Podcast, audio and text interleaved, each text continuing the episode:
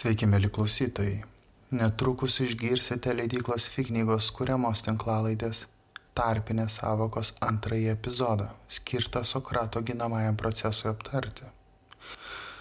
Antroje laidoje toliau vaikštome po Sokrato teismo priengį, klausdami, kuo skiriasi filosofas nuo sofisto, kaip šiandien galėtų atrodyti Sokrato teismas. Pagrindinį tekstą parengė ir skaitė Aurimas Šimeliūnas. Sokratą įgarsino Vytautas Ališauskas, įgarsinta FI knygų studijoje. Jūs iš manęs išgirsite visą tiesą, bet prisiekiu Dzeusų vyrai atėniečiai, neišdailintas kalbas kaip anų ir neišpuoštas posakiais ir žodžiais. Išgirsite tai, kas kaip papuolama sakoma čia pat pasitaikiusiais žodžiais juk tikiu kad teisinga yra tai ką sakau ir niekas iš jūsų te nelaukia iš manęs nieko kito be to man nederėtų vyrai tokiame amžiuje prieš jūs stoti kaip lipdančiam kalbas jaunuolėliui Tad vėl nuo pat pradžios išnagrinėkime, koks yra tas kaltinimas, iš kurio yra kilęs mano šmeižimas. Juo man patikėjęs Meletas ir parašė prieš mane šį kaltinamąjį raštą. Tebūnie, ką būtent sakydami šmeižė šmeižikai. Taigi reikia perskaityti jų tartum tikrų kaltintojų priesaiką paliudytą ieškinį. Sokratas nusikalstas ir niekus veikia, tyrinėdamas ir tai, kas po žemė, ir dangiškus dalykus, silpnesnę kalbą, darydamas stipresnė ir kitus to taip pat mokydamas. Maždaug toks yra kaltinimas. Taigi Sokratas savo ginamąją kalbą teisme tiesiog pažada sakyti tiesą. Jisai neišsisakinėsės, nei įtikinėsės, nei prašysės, nei maldausias. Tiesiog jis sako, kad yra jau senas gyvenimas, jį išmokė atskirti tikrus dalykus nuo netikrų ir dabar tai jis tiesiog rieš teismui visą teisybę tokią, kokia ji yra. Ir čia mes prieinam prie Sokrato santykio su sofistais. Jeigu taip paprastai, kaip mums paaiškinus žodžio etimologiją, graikiškas žodis Sofija reiškia išminti, o filosofas yra tas, kuris išminti myli. O sofistas yra tas, kuris išminti turi. Kitaip sakant, vieni jie myli, kiti paturi ar turi. Sofistai antikinėje Graikijoje buvo profesionalūs intelektualai, kurie siūlydavo savo paslaugas už pinigus. Kitaip sakant, vat, jie būdavo tie, kurie jau sakydavo, aš esu išmintingas ir aš parduosiu išmintį. O, o Sokratas sakydavo tas, kad aš nieko nežinau, aš nieko nemoku, aš ieškau išminties ir, ir gal tu gali gerasis žmogus man pasakyti, kas tai išmintis yra. Taigi pagal Sokratą sofistas nuo filosofo skiriasi tuo, kad pirmą, jis ima pinigus už savo paslaugas. Nu, kai tuo tarpu Sokratas, nu, įma natūrą, ten išgeria ar tarp, ne, ne, nežinau. Antra, e, sofistas dirba kliento interesais.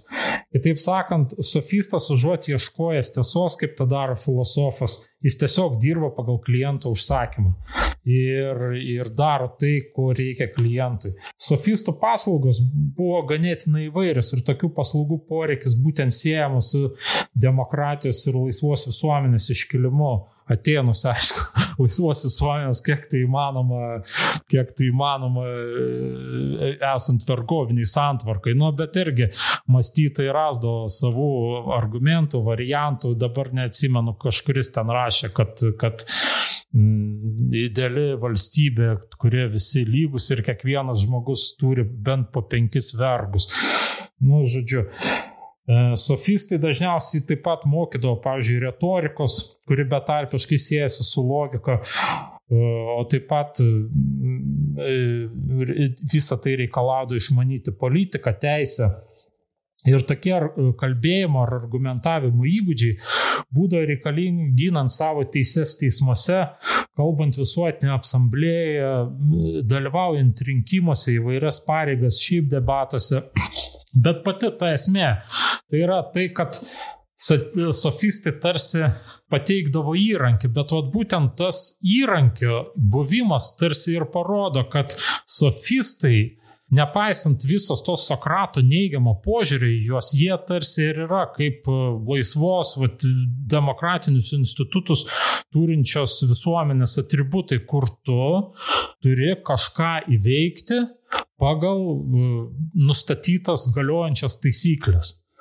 Tai yra nėra taip, kad tu turi tu esi valdovas, tu turi teisę ir tu tiesiog liepi. Arba tu esi pavaldinys, tau tiesiog liepia ir tu kažkom tai atsikalbinėsi ar neatsikalbinėsi, niekam bus neįdomu. Ir dėl to šis klausimas toks nėra vienareikšmiškas. Ir jis nėra atsakytas iš tikrųjų iki mūsų dienų, kadangi turbūt tie du dalykai persipina, lygiai taip pat kaip ir Sokratą. Tada, kai jisai save prieš pastatydamas sofistam tarsi ieškodavo tos tiesos, bet, bet kaip ir vėliau matysis, tas polinkis tokie liktai šiek tiek į diktatūrą, turbūt ko gero irgi to išplaukia, iš to vienos, tos tokios vien, vien, vienareikšmiškos tiesos žinojimo arba bent jau noro jie žinoti. Ir aš sakyčiau, vat, kad tie sofistai jau senovės Graikijoje turėjo tokią panašią reputaciją, kaip pas mus turi advokatai ar viešųjų ryšio specialistai. Na, aišku, kas liečia ypatingai viešųjų ryšių specialistus, tai su požiūriu juos tai susijusios su tam tikra šiandieninė informacinės visuomenės būsena kai visi viešųjų ryšių specialistai dažnai paniekinamai vadinami PR-šikais ir būtent jie kaltinami tuo, kad užsiemo susitepusių valdininkų ar verslininkų mundūros kalbimu ir tas kalbdami tą mundūrą patys jo išsipurvina ir kad uh, kvailiem rinkėjam pakiša ten kokį nors paksą ar, ar uspaskichą ir kad jis visada atrodo fainas, cool, o tie tokie mūsų kaip pasakyti dabar, nuliovi politikai, tie, tie tokie, man tiesiog žodžiai, vad kyla, ar tai tradiciniai, ar tai sisteminiai, nors aš dabar pats nežinau, ką tai reiškia, bet daug maž suprantat, ką kalbu, ap ką turiu omeny, čia greičiausiai kokie būtų konservatorių lyderiai, ar dar kas, vad, vad tie, kurie, nu, skaitosi, nu, nu, skaitosi Lietuva, rūpinasi, nu, ar kaip jie atrodo tokie ganėtinai nykus ir, ir neįdomus, nu, dažnai iš tikrųjų tikrųjų tokie ir yra. Kas liečia advokatus, e, ta nuomonė irgi visuomenės akise apie juos neką geresnė. Jie tiesiog pas mus sutapatinami su savo ginamaisiais.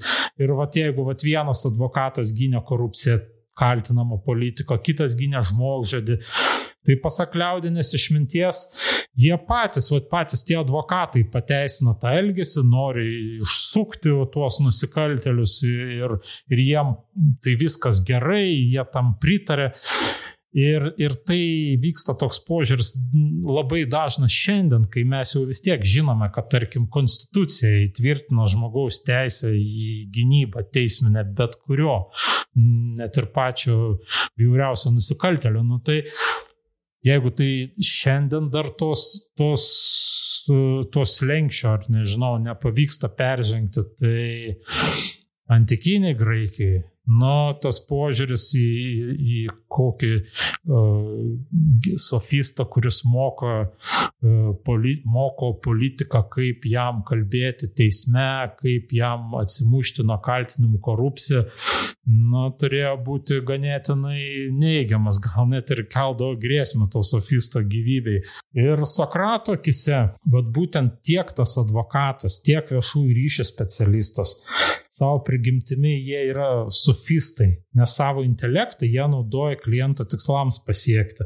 Pavyzdžiui, advokatas teisme gina kaltinamą ir advokato tikslas yra teisiniais argumentais pasiekti, kad teismo sprendimas būtų kuo palankesnis kaltinamajam. Ir geriausia turbūt geria, geriausias dalykas, kad kaltinamasis būtų išteisintas. Vėlgi šitoje vietoje Aš manau, net ir šiandienos advokatas jis galėtų tarsi užimti, imituoti vat, filosofo būseną ir turėti savo kontrargumentų, sakydamas, kad jis gindamas kaltinimą e, siekia ne tiek jo išteisinimo, bet kokią kainą. Jo tikslas yra užtikrinti teisingumą ir tomis teisinėmis priemonėmis, priemonėmis apginti nuo valstybės levitano, panaudoti vat, visas individuo laisvę apsaugančias teisės teisinės priemonės, kuriamis galbūt dėl žinių trūkumo kaltinamasis negali pasinaudoti arba vat, būtent, kaip, kaip sakoma, čia dabar kaip sako, mane,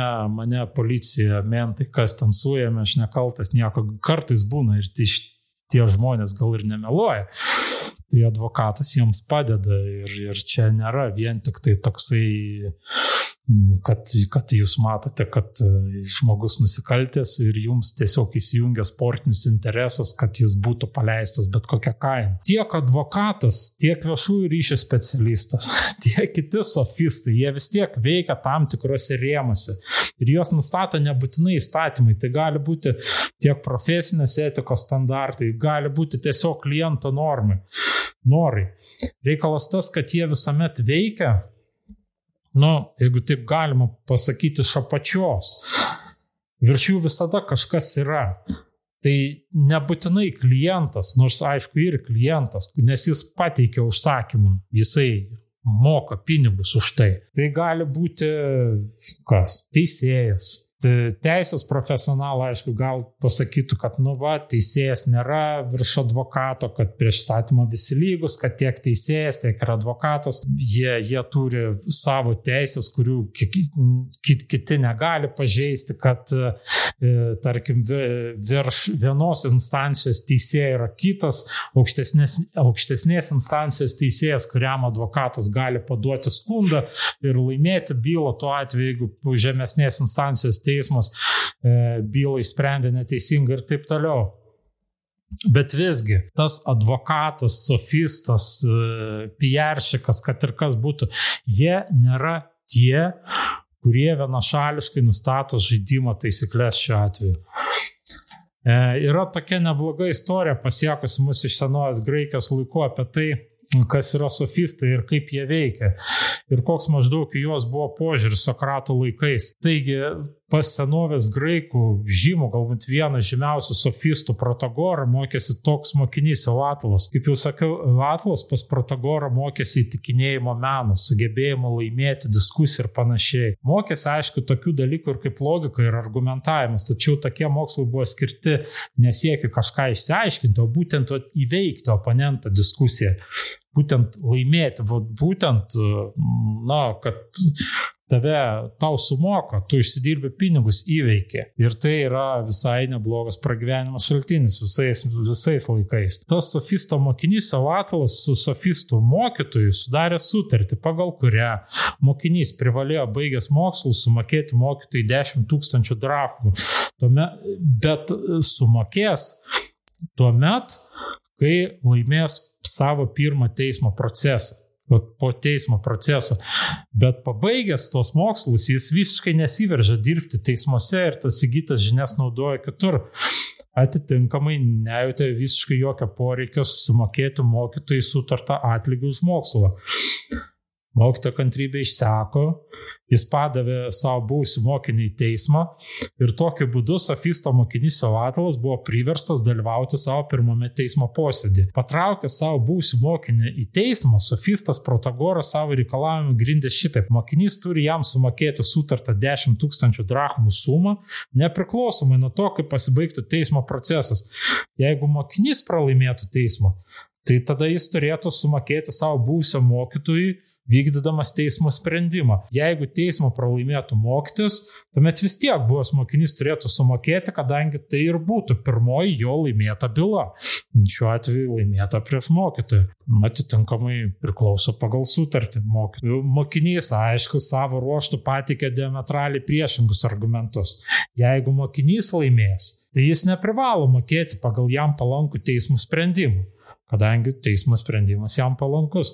O jeigu jis pralaimės, tai jam mokytojui mokėti nereikia, nes pagal susitarimą jau buvo aiškiai nustatyta, kad mokinys sumokės mokytojui už mokymą tik po pirmo laimėto posėdžio. Tiesą pasakius, aš net nežinau, kaip pasibaigė ši istorija, lyg ir pasakojama, kad teismas nepriemė jokio sprendimo iš anksto numatydamas, kad bet koks jo sprendimas bus savo prieštaraujantis. Apskritai man ši istorija kažkiek primena pasakėčiai ir visai nebūtinai, kad apskritai tokia istorija vyko, nors ką gali žinoti. Beje, mano galva, šiandienos teismai tokią bylą išspręstų, aš manau, nesunkiai. Aš galvoju, kad mūsų teismai, va, pagal dabartinę teisę, jie tiesiog įvertintų, kad susitarimas, kad bus sumokėta po pirmo laimėto teismo posėdžio, sukėlė teisėtą mokytojo lūkesčių, kad e, mokinys pradėjo mokyti sofistikos būtent tam, kad laimėtų bylas teismuose ir realiai jis turėjo, laimėti, turėjo po to tas žinias naudoti teismuose Vat būtent ir tam, kad būtų, e, būtų aiškus nustatyti kažkokie tai kriterijai, rodikliai, pagal kuriuos jis turėtų sumokėti mokytojai. O jeigu jis vėliau tų žinių pagal paskirtį nenaudoja, tai čia turėtų būti jau paties mokinio problema, o ne mokytojo. Mokytojo, problem, mokytojo problema būtų nebent tuomet, jeigu mokinys iš eilės pralaiminėtų visas bylas, nu, tada būtų kažkaip lik ir logiška pagal susitarimo dvasę. Tai yra tarsi mokytojas įsipareigojo, kad e, praėjęs jo mokslus mokinys vis tik tai teisme bylas laimės. Šiuo atveju, kai būtų galima daryti išvadą, kad mokytojo e, mokymas buvo nekokybiškas. Ir, na, nesvarbu, kaip ten tikroji pasibaigė šis ginčas tarp mokinio ir mokytojo, visgi mes manom, kad matom, kad abiejų pusių argumentai iš šiaip iš šalies atrodo be priekaištų logiški. Na, jeigu taip jau formaliai iš tikrųjų žiūrėtumėm, nu, logiška, e, bet tuo pačiu abi šalis toje pačioje situacijoje prieina diametraliai priešingų išvadų. Taigi, vat vienintelė išvada, kurią stebėdamas tą ginčią iš šalies galėtų padaryti tas taip vadinamas proverbinis paprastasis žmogus, o tas, tas standartas, o ta, apie kurį vis kalbama, o kaip ką paprastam žmogui apie tai galvoti, tai turbūt jisai pamanytų, kad visa sofizmo esmė yra sakčiavimas, kad, kad galbūt tai reikalauja kažkokių tai intelektinių pastangų, galbūt tai reikalauja išsilavimo, bet sofizmo esmė yra apgauti. Ir čia galima prisiminti dar vieną tokį sofistam priskiriamą žodžių kalambūrą. Tu turi tai, ko tu nepametėjai. Tu nepametėjai ragų, vadinasi, tu turi ragus. Ir čia kaip ir viskas aišku, ragų mes neturime, bet štai jau vat, esame vėliami į keistus kalbinius žaidimus. Ja, aišku, mums nieko negrėsia, viskas čia nėra baisu, netgi jokinga. Tiesiog mes pažvelgiai į veidrodį galime laisvai nustatyti, o turime mes tos ragus ar ne. Ir tada va tokie išvedžiojimai mums nebaisus. Tačiau kaip tuomet su visokiom nusavybės bylom, finansiniam operacijom ir panašiais dalykais, kur neretai tos pačios tiesos mes turime ieškoti būtent kalboje, dokumentuose, mes turim pasitikėti kitų žodžiais veidrodį, mes šiuo atveju tokio aiškaus atsakymo nerasim. Ir tuomet o tokie profesionalūs žongliruoti žodžiais mums keltų įtarimą ir čia mažų mažiausiai. Juolab prisipažinkime, kad jeigu ne, net ir nekreipiant dėmesio į tą nesudėtingą loginę žodžių ekvilibristiką, mūsų vidinis teisingumo jausmas aiškiai sakytų, kad teisus yra šiame ginčia mokytojas, be abejo.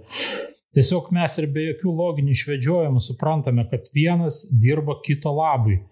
Tačiau dėl gudriai sudarytų sutarties sąlygų liko be atlygio ir netgi tie, kurie šiame ginčia palaiko mokinį, greičiausiai pritarė jo elgesiu, įvertindami šį elgesį kaip stilingą apgaulę. Vat štai sukčiaus mokinys pra, pranoko savo mokytojo sukčių ir jį apsukčiavo šiuo atveju mums svarbu, na, ne tiek pats apgaulės faktas, bet jau kai ne, kiek nekarta akcentavome, kad reikalas šitas, kad uh, sofistas kaip ir advokatas ar viešųjų ryšio ekspertas uh, veikia tam tikrose rėmose. Virš vieno yra teismas, virš kito visuomenės nuomonė, tos nuomonės indeksas ir tie rėmai yra apčiuopami. Tai gali būti nebūtinai teismo procesas, kuriame dabar dalyvauja pats Sokratas. Tai gali būti, pavyzdžiui, laidotuvių kalba.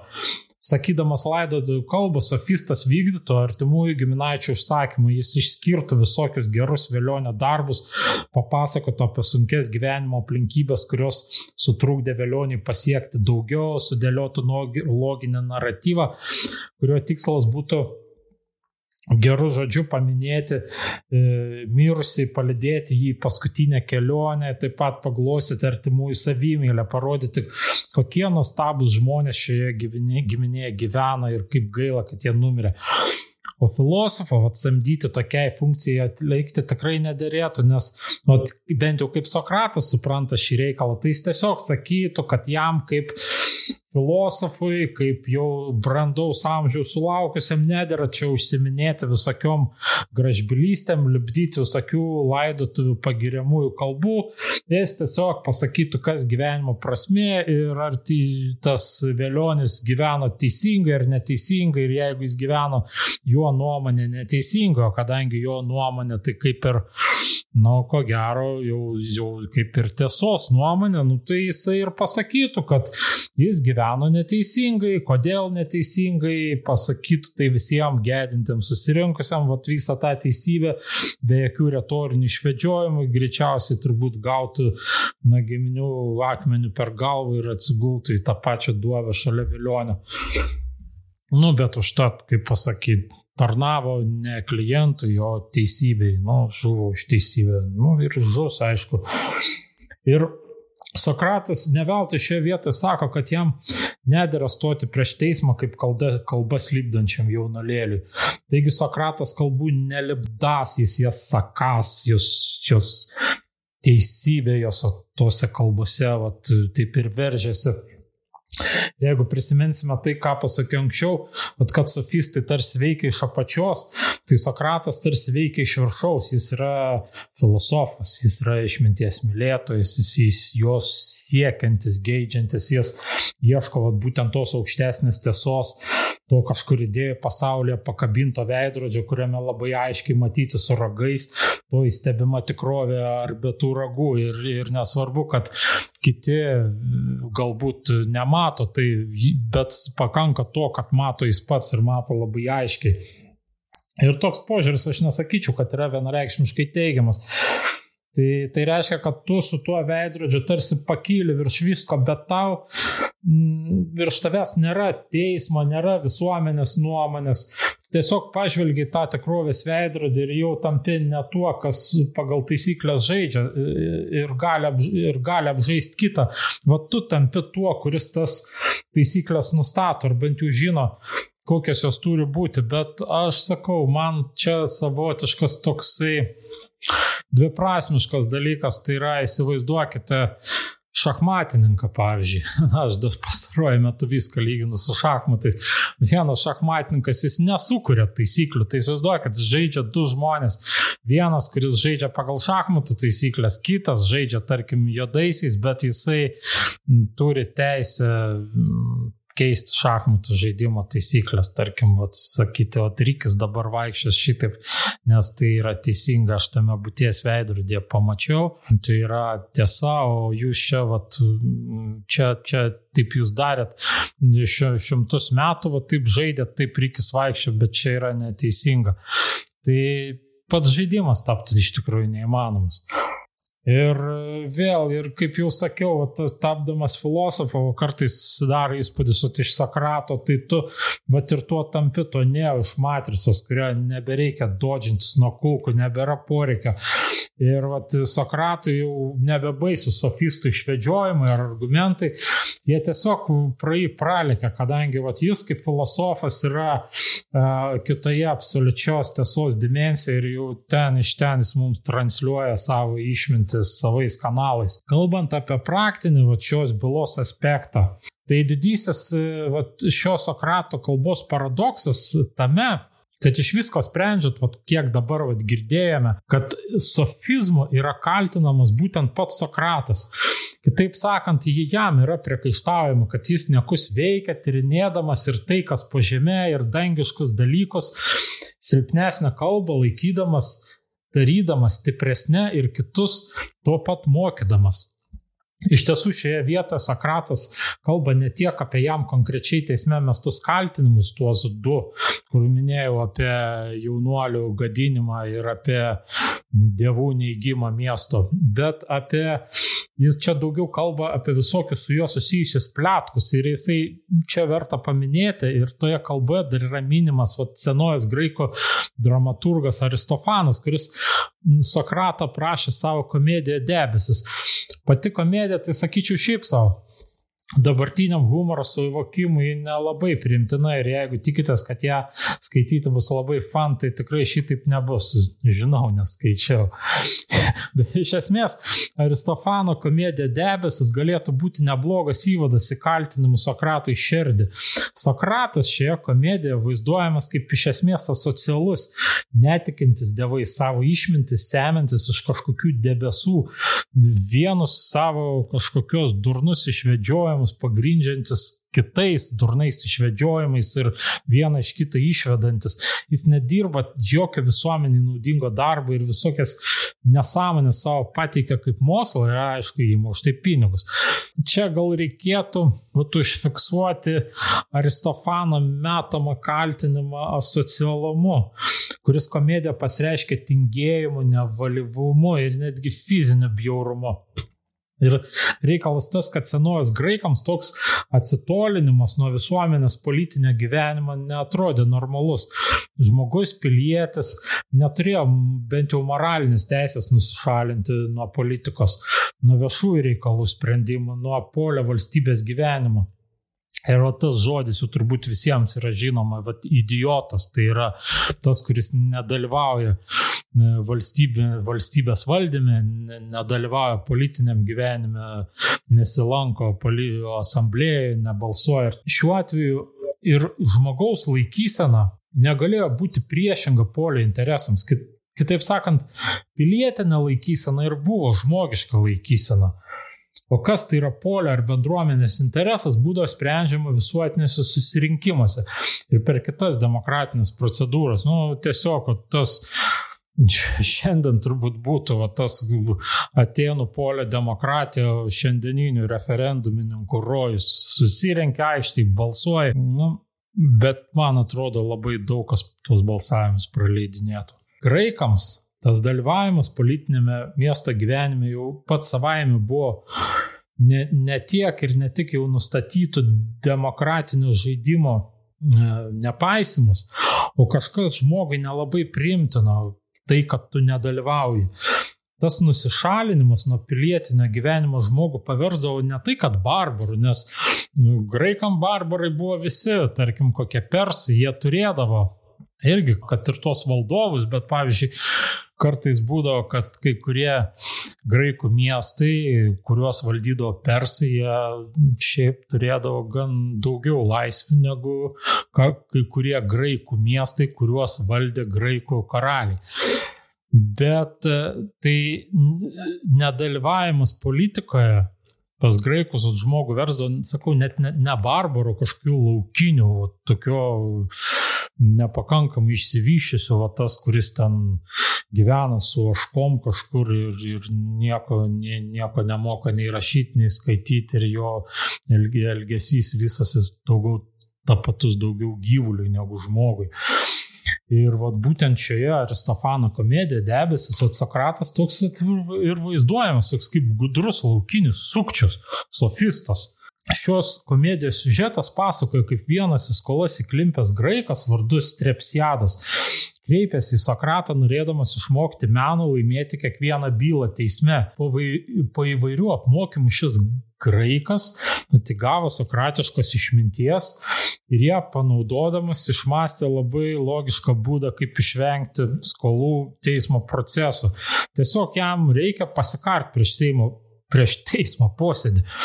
Sokratui ši mintis nepasirodė labai tinkama, nors aišku, kaip ir pagal Aristofano komediją, vat, būtent tos išvados jis priejo prisiklausęs Sokrato mokymo. Ir Sokratas Strepsiadą išmeta, bet Strepsiadas vis tik dar lieka susižavėjęs Sokrato mokymu, tai atsiunčia pas Sokratą papildomai mokyti savo sūnų. tas sunus prasimoko, pasukratą kažkiek laiko, padaro išvadą, kad jam reikia primušti savo tėvą ir primuša. Va tos sokratiškos išminties, pasisėmusios sunaus argumentai daugmaž tokie, aš nu, nelabai ne suprantu ten to ryšio, likis yra, kaip toje pateikta komedija, bet kažkas tokio, kad Mm, seniai neturi verkti, o jeigu tie seniai verkia, jie yra dvigubi vaikai, o jei vaikai jie yra, tai jie turi būti baudžiami, bet kadangi seniai, kurie yra dvigubi vaikai, tai jie turi būti daudžiami, baudžiami dvigubai. Kažkaip šitai, bet turbūt čia tos tokios logikos ir nereikėtų rasti, nes Aristofanas kaip tik ir norėjo pajuokti Sokratą, kad atsit, nu tu čia prisimastai visokių loginių neva pseudo išvedžiojimų ir prie jų galima išvesti bet ką ir iš tikrųjų tarsi tas loginis prieštaravimų ratas užsidaro ir tu norėdamas išvengti kreditorių tiesiog pasikari ir tu galvoji, kad tai yra labai gera išeitis, kadangi va, tu ne taip, kad prie to, prie to veiksmo prie iš, iš nevilties, bet tu padarai tą sprendimą po gilių apmo, apmąstymų, pabaigęs specialiai tam ta, tam skirtus mokslus, už kuriuos tu dar ir susimokėjai. Ir va šitie komedija debesis iš esmės susakyti kaltinimai Sokratui, kad jis gyvena socialų gyvenimo būdą, va, va šitokiu va būdu gadina jaunuomenę, kad e, sugeba įtikinti jaunuolius, kad jo paties sofistiniai išvedžiojimai yra svarbiau už tokias pamatinės vertybės, na, kaip tarkim, vat, pagarba tevams, e, dabar, kaip sakytų, pagarba tradiciniai šeimai ir taip toliau. Ir kad e, tas Sakratas jis nekus veikia, tyrinėdamas tai, kas po žemė ir dangiškus dalykus, o tuos debesis, iš debesų savo ima kažkokią išmintį, kad jisai silpnesnė kalba kalbą daro stipresnė ir kitus va, to moko. Ir iš visko sprendžiant, šitas Aristofano debiset vaizduotas Sokratas sutapo su nemažos dalies atiniečių požiūrį į patį Sokratą. O Sokratai tarsi sakė, va, tu pats esi sofistas. Kalbant apie patį teismą, kuriame buvo teisiamas Sokratas, apie to, to teismo sudėti, nu, iš tikrųjų niekaip neapleidžia mintis, kad galbūt būtent toks teisingumo nustatymo organas išgelbėtų mūsų tevinę Lietuvą šiuo sunkiu metu. Sokrato laikų Atenų teismas prieš kai kurių lietuvių akis galėtų iškilti, iškilti kaip tikras sąžiningas liaudės teismas, kuriame vien tik teisybė ir jokio bulšito pats sažiningiausias, kokį tik galima įsivaizduoti. Reikalas tas, kad e, Atenų teismas sudarė netgi 501 pilnametystės sulaukęs heteroseksualus arba homoseksualus Atenų pilietis. Nu, čia ta gal paskutinis vien tik trūkumas mūsų, bet, nu, gal nieko tokio, su, su laiku ir priprastų. Ir šitie teismo atstovai, ar juos galima gal pavadinti teisėjais, nors man sudėtinga iš tikrųjų pavadinti teisėjas, teisėjais 501 žmogų vo, teisme, mano institucija. E, ir aš šioje vietoje turbūt esu labai paveiktas šių dienų realiom. Ir tą organą teismu aš gal galiu pavadinti šitaip va teismu, bet e, pavadinti teisėjais 501 žmogų man sudėtinga. Gal čia geriau būtų vadinti tarėjais ar prisiekusiais, kas būtų teisingiau. E, beje, moteris prie tokio e, teismo, e, prie tokios teismo institucijos prileidžiamas nebūdavo. Tokio prisiekusiųjų pareigų jos eiti negalėjo. Tai galima sakyti, kad senovės Atenose irgi buvo savaip įgyvendintas teisminės valdžios atribojimo principas nes teisminė valdžia buvo atribota nuo moterų, vergų, visokių migrantų ir kitokių pabėgėlių. Sprendimo, kaip, e, sprendimo šitas teismas priimdavo balsuodama, balsuodamas. Atenų visuomenės susipriešinimų buvo ne ką mažiau negu dabar pas mus, bet iš tikrųjų tūsas turėjo būti neblogas. Aš vien tik pagalvoju apie 500 žmonių Tai čia kaip Europarlamentas ir jie diskutuoja dėl kažkokiu tai klausimu ir ypatingai, kai tai, kai, kai tai sprendžiamas vieno žmogaus kažkoks padarytas klausimas, padaryt, pad, padarytas nusikaltimas. Ar šitas teismas, tarkim, irgi, aš dabar pagalvoju apie Lietuvą, tikrai būtų smagu tokiam teisme pažiūrėti posėdį, kaip diskutuojamas, pavyzdžiui, sulaužė paksas priesaiką arba nesulaužė. E, tikrai, man atrodo, atrodo būtų įdomiau negu vaizdai mūsų konstitucinėme teisme. Arba, pavyzdžiui, galima būtų tokiam teisme apsvarstyti klausimą dėl galimybių paso. Jo labu, kad e, tie teisėjai, būdama renkami burtų keliu, tai visiškai sąžiningas būtų procesas ir kiekvienas sakytų kalbas būtų transliuojama per internetą. Turbūt sąžiningumu tokios procedūros neįmanoma abejoti. Atenų teisme, nu apskritai, o tuo metinėje teisėje nebuvo tokio dalyko kaip nekaltumo prezumcija. E, kaltinimo pateikusi pusė neprivalėjo neginčiamai įrodyti kaltinamojo asmens kaltumą. Nekaltumo prezumcija šiandien e, taip vadinamam paprastam žmogui ir dabar nereiškia nieko daugiau, išskyrus absurdišką situaciją, kai nu, visi žino, kad koks nors Petras, Lygis ar Viktoras yra vagis, Ir netgi daug maž žinoma, ką pavogė, žinoma net ir kiek, o pasadinti niekaip negalima, nes nėra įrodymų. Kokių dar įrodymų jūs norit? Nu jo, nueikit, paklauskit bet kurio žmogaus ir jis jums pasakys, žulikas ar ne. Bet visi žino, tik vienas teismas nežino. Tai anksčiau tokių dalykų nebuvo. Aš kartais pats pagalvoju, nu iš tikrųjų, kam tie įrodymai, jeigu visiems ir taip viskas aišku, kartais ant kaktos net parašyta vagis ar kyšininkas ar dar kas nors. Ir kam dar save varginti bereikalingais teisminiais įrodinėjimo procesais. Šiuo aspektu aš sakyčiau, tas paprastas žmogus yra netgi artimesnis klasikiniai antikos dvasiai negu taip vadinamo elito atstovai, tarp kurių daug E, politikų, teisininkų ir kitokių kyšininkų. Atėnų, Atėnų teismo atveju irgi tvarka buvo teisinga. 500 nubalsuodavo kalta, kaltas ar ne ir viskas. Tame teisme nebūdavo įrodinėjimo naštos, kai kiekviena šalis privalo įrodinėti aplinkybės, kuriamis remiamis. E, tiesiog pateiki kaltinimą ir tegul jau kaltinamasis įrodinėja, kad, kaip dabar sakoma, jis yra nekopranagaris. Tam, kad žmogus būtų paskelbtas kaltu, pakako paprastos teisėjų balsų daugumos. Taigi, jeigu iš 500 paprasta dauguma nusprendžia, kad kaltas, tu esi kaltas. Pati teismo procedūra susidėjo iš dviejų dalių. O teismas spręsdavo tiek dėl teisės, tiek dėl fakto. Tai reiškia, kad šitie 500 mm, prisiekusiųjų tiesiog balsuodavo ir dėl to, ar buvo padarytas nusikaltimas, taigi dėl paties nusikaltimo padarimo fakto ir dėl to, kuris įstatymas e, šituo nusikaltimu buvo pažeistas. Tai ir dėl teisės. Nustatydavo faktą ir pritaikydavo jam, kaip dabar sakoma, straipsnį. Tai ir e, šitoks na, nusikaltimo kvalifikavimas e, ir sudarė pirmąją proceso dalį. Jame tiesiog būdavo nusprendžiama, ar asmuo kaltas ir, ir, ir pagal, pagal kokį įstatymą. Ir jeigu teisėjai paskelbdavo apkaltinamai nuosprendį, tuomet vykdavo antroji teisminio proceso stadija, kuria buvo dar vienas antras balsavimas, dėl to, kokią bausmę paskirti žmogui, kuris ką tik buvo pripažintas padaręs nusikaltimą. Šiuo atveju teismas te galėjo pasirinkti tarp dviejų alternatyvų.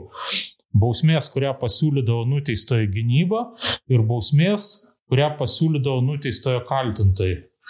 Tipinės bausmės būdavo tremtis, bauda arba mirties bausmė. Logika čia ko gero buvo maždaug tokia. Šalis buvo verčiamas pačios pasirinkti teismi, teisingą bausmę ir tai graikų nuomonė nubaudimai pridėdavo teisingumo. Pavyzdžiui, teismas pripažįsta, kad žmogus yra kaltas pavogęs vištą. Ir jeigu taip, Tuomet vyksta antras balsavimas, kurio metu kaltintojai, pavyzdžiui, pasiūlo nubausti tą vagysčių mirties bausmę. o gynėjai pasiūlo nubausti nedidelę baudą. Ir teismas, matydamas, kad nusikaltimas palyginti nereikšmingas, paskiria gynybos pasiūlytą va, tą nedidelę baudą. Vien tik dėl to, kad kraujo ištroškusių kaltintojų pasiūlyta mirties bausmė yra neproporcingai per didelė.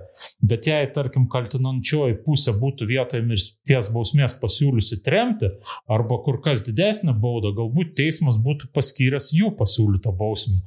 O dabar tie kraujo ištroškę kaltintojai te galėtų pasitenkinti nedidelę baudą, kurią siūlė to vagišiaus gynėjai. Teismas paprastai trukdavo vieną dieną, įsivaizduokit, vieną dieną. Ne taip kaip šiandien. O tie seni geri laikai, kai darbo partijos juodosios buhalterės byla būtų išspręsta labai greitai iš tikrųjų. Ir to 500 prisiekusiųjų, jie nubalsuotų, aišku, jeigu tarptų balsavusių teisėjų nebūtų santykinai didelis darbo partijos narių ir jai prijaučiančių procentas, turint omeny, kad vykdavo demokratija ir jeigu, jeigu Atenai tam tikrų istorinių periodų būtų prieėmę kedainių savivaldos valdymo modelį, tai gal ir būtų pasibaigęs tą Atenų imperiją. Ir taigi situacija daug maž aiškia. Ta situacija, į kurią pakliuo Sokratas. Tave apkaltina bilekuo, nekaltumo prezumcijos nėra, turi teisintis, o teisindamasis gali kalbėti kaip ir bet ką gali kalbėti, nes iš tikrųjų ir, te, ir kaltinate bet kuo. Ir tu, tu gali kalbėti, stengdamas tiesiog paveikti teisėjo emocijas, apie gyvenimą ir taip toliau. Nu, Sokratas tą patį ir daro, jisai kalba belekais, kalba apie savo gyvenimą, kalba apie tai, kaip jis vis tik daėjo iki to, kad pats tapo tuo, e, ką jis pats vadino filosofu ir kodėl.